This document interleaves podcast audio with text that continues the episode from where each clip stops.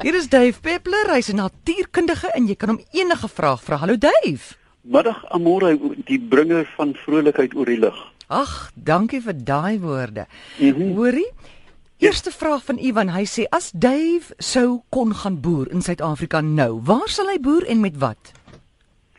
Amore Appington. Ja. Ek sou uitgediende grond koop in Appington, oorbewei vullishope, grysgroewe en vir my 'n energieplaas daarop sit want dit gaan in die toekoms groot geld betaal. Dus uh, grond wat jy nie kan gebruik nie. Appington is die lekkerste sonskynplek in die land en net daarslik boer met energie.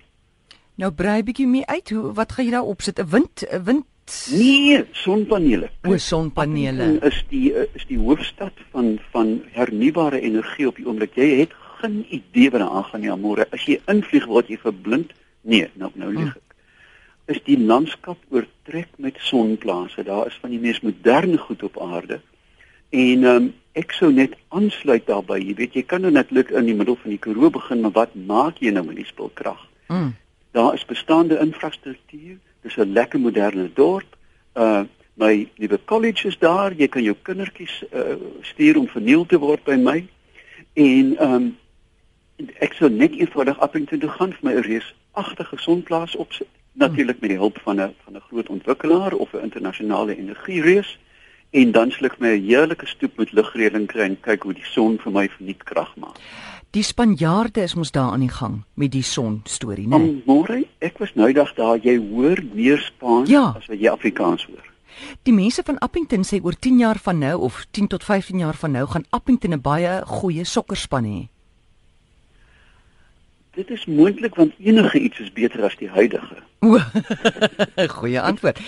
Volgende vraag, iemand wil weet hierso, hoekom groot swerms ehm um, hulle sê die naam in in die volksmond is bottergatte of bulbuls in Engels, die groen vruggies van moerbybome afpluk en op die grond laat val. Bottergatte, wat 'n mooi naam. Ja. Jy weet ek dink ons moet minder sensitief wees vir ons mooi Afrikaanse name. Ja man, bottergatte. Bottergatte. Ek weet jy kan so lekker skreef skoort of voetsek Ja. bottergatte. Ehm um, ons mis baie name. Tur tik tik. Wat gaan 'n Engelsman met so 'n naam maak? Mm, Ja. nou, Of wat van die krombek? Dis 'n voël sonder 'n stert. Maar dit nou daar gelaat. of 'n perdedrol. Ja, maar daar's ook ander perde goed, né? O, Um, okay. Dit daar gelaat. Amore bottergatte word aangetrek deur super uh, die Engelse noem dit super abundance, is 'n super oorvloed van vrugte. Met ander woorde, as daar 'n karee boom staan met baie vrugte, dan kom daar meer as die gewone 4 of 5, daar's 20 of 30 bymekaar. En dis juis hulle wat slange verklik, weet jy? As daar 'n Hmm. slang of 'n uil in die boom is, moet jy net na die bottergatte luister. Dit daar gelaat. Nou ek omdat daar soveel is, gaan hulle roekeloos om met die bron.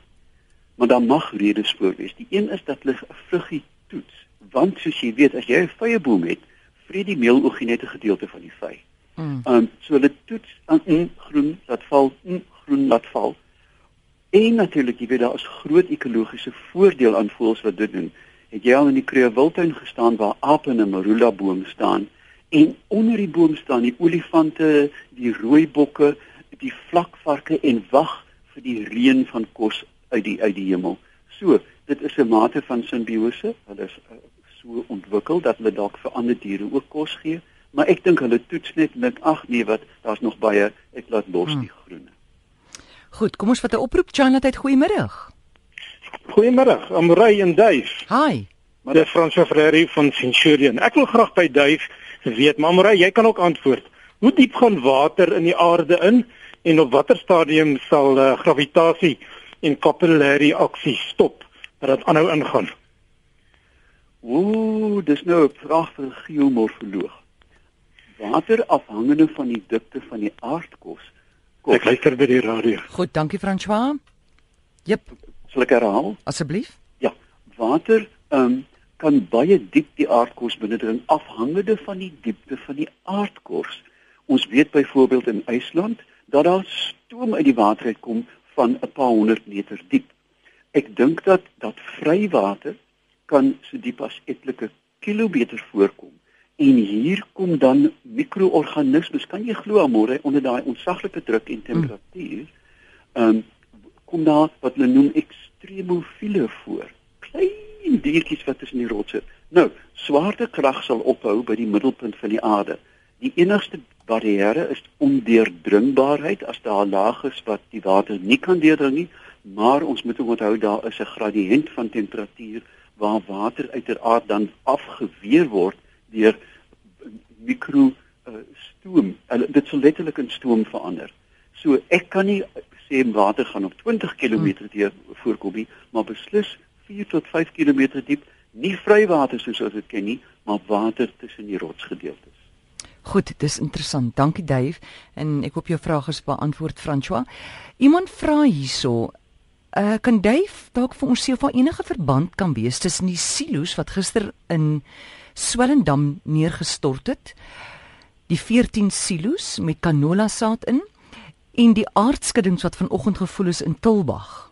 Ah, ek het van beide gehoor. Kyk, die aardskudding was in die orde van Richterskaal 3 dink ek. Ja, 3.7. Ja, wat ook al. Nou, wat mense moet onthou, dit was 'n baie ligte skudding.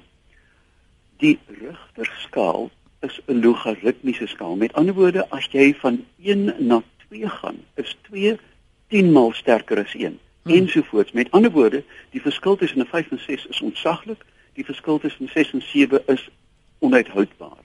Hierdie was 'n baie geringe een. Ek twyfel of dit sover enige effek kon gehad het op die silo's. Wat by die silo's bes moontlik gebeur het, is 'n uh, metaaluitputting vermoed ek van een van die silo's. Nou kan jy dink daar is etlike ek weet nie hoeveel tientalle tonne wat nou regop staan en toe was dit 'n domino effek. Die ander wat geval het was heel moontlik nie so swak nie, maar dit het het eenvoudig skokgolwe, jy weet, skielik en hulle was vol, nê? Mm. As hulle leeg was het uiteraard niks gebeur nie. Almal was propvol en dit was 'n domino effek. Goed, ons vat nog 'n oproep, Charlotte, hallo. Hi, goeiemôre. Goeiemôre, Gamorey. Hi. Hallo. Jy kan maar praat, ons luister. Hi, hier jong, ek wonder of jy my kan help of miskien sou baie beter kan weet. Jong, weet jy ons het van hierdie ehm um, gewone ou my ma sê sommer boudrywer, né? Weet jy maar die gewone voels wat hier so by ons kom. En nou, 'n enetjie wat nou 'n kleintjie gekry het, 'n ou kleintjie, goeie griet as jy redelik sienetjie van van hulle almal, maar nou die dingetjie is nou 6 maande oud en nou, hy wil nie nie. En ons moet hom nou voed elke dag. Hoekom sal dit nou wees? Dave, kon jy hoor wat 'n voel dit is? Ja, ja, sê vir wie die voel? Wat s'ie voel se naam? Dis 'n gewone duif. O. Kyk, duwe, ehm um, is 'n broeitydwerk, die die inkubasie van duifeiers is 12 tot 13, miskien 14 dae. En gewoonlik vlieg die kleintjie binne die volgende 2 weke. Hulle groei soos onkruid. Hierdie is eenvoudige bonsai en gaan nooit vlieg nie ek vermoed dat die voeding nie wat hulle noodwendig nie maar wat wat hy gekry het onvoldoende was dat hy dat hy of sy dan baie swak ontwikkel is so daar is twee uitweg daar is twee maniere een is 'n genade dood want jy gaan vir ewig sit met die diertjie op veearts of uh, of uh, nee wat wil nie sê wat nie maar die ander is natuurlik dat jy hom vir die tyd en ewigheid sal moet aanhou as 'n troeteldier hulle word baie mak maar as hy teen die tyd nog nie gevlieg het nie, sal hy nooit vlieg nie. Well, okay, thank you. Uh. Goed, dankie. Okay, bye. Dave, kan jy vir my so 'n bietjie harder praat asseblief? Seker. Charlotte, hallo. Goeiemôre. Met wie praat my ons? My naam is Rita Herkst. Ja. Ons mag net bietjie sagter. Ons was so 2 weke gelede in die wildtuin. En wat ons opgeval het is die termiethope wat normaalweg hoog bo die grond rond is, het nou almal skielik die termiete begin torentjies uitwerk na boontoe en jy kan sien dit is vars. Ek het gewonder of dit enige wat wat kan 'n ou daar uitmaak? Gewoonlik is die termiet hoop rond en nou skielik het hulle almal torentjies soos hulle uit bo uitwerk boontoe. Nou, Dave? Ja, ek luister. Ja, ek wonder was daar goeie reën voor hierdie uh, gebeurtenis? Want daar was daar was nie regtig reën nie, so 'n uh, uh, bietjie kolle kolle reën, maar nie eintlik groot reën nie. Ja, termietaktiwiteit word gewoonlik gestimuleer deur reën. En ek is nou nie heel seker van die spesies nie, maar hulle is gewoonlik grassnyende termiete en uh, interessant genoeg as jy onthou, is die termiethope of die termitoria baie eweredig gespasieer want hulle kan nie nader aan mekaar kom nie as gevolg van 'n gebrek aan kos. So, ek vermoed daar was goeie gras want hulle kan nie eintlik bou um, as daar nie genoeg voedsel is nie. Hulle kan ook nie bou as daar nie genoeg water in die grond is nie want hulle moet met nat klei bou. Mettertyd sal hulle om die torentjies bou en die normale vorm van die territorium aanneem. Goed. Okay. Dankie Rita vir jou vraag. Jy stel wel weet waarom bontebokke se koppe op en af skud as hulle vorentoe loop. Genade aan môre. Kyk, ek kan nie vir jou sê nie, daar is kyk baie van ons boksoorte het 'n uh, neusvliee, neusparasiete en jy weet dat dat bontebokke en bleesbokke vreeslik proes en nies om van die goed ontslae te raak. Nou ek weet nie of die die uh of die um observasie was oor een wat gestaan en nies het nie, maar ek kan nie vir jou uit die vuis uit sê nie. Kyk, meeste diere het 'n gedragshouding en ek sal 'n bietjie navorsing doen en terugkom na jou toe daaroor. Goed, daar's tyd vir vinnige kort vraag. Janet, hallo. Hallo, môre. Ja? Ja, ek wil net weet by jou. Hoekom is daar net aan die suidekant van 'n hoë mos? Goed, dankie. Ons gaan dit vir jou beantwoord. Dave, wil jy nog iets weet? Nee nee, dis wel genoeg. Goed. Um reg oor die aarde, um vind 'n mens dat mos is gewoonlik na na in Suid-Afrika gewoonlik baie keer weggedraai van die van die uh van die son en in die noordelike halfrond is hulle na die son gedraai. Dit het te doen met optimale groeitoestande. Um net soos 'n mens byvoorbeeld met um van die versamelvoëls sien dat hulle gewoonlik aan een kant gewoonlik aan die weste kant van 'n boom 'n nes maak. So uh, beide plante en diere as hulle in bome lewe of op bome nes maak, kies die optimale plek om daar te kan oorleef. Goed, dankie Dave. En waar kan ja, mens Ja, kan ek vir jou iets vra? Ja. Watter kleur is jou kerskous? Hy is bruin met groen kolle op. Maak dit groen vir jaar. Kom ons hou almal vir jaar groen kouse en dink aan ons aarde. Oeg, ek hou daarvan. Baie dankie en mense kan jou kry net by Dave Peppler op Facebook, né? Op Facebook, ek sal daar alles invul.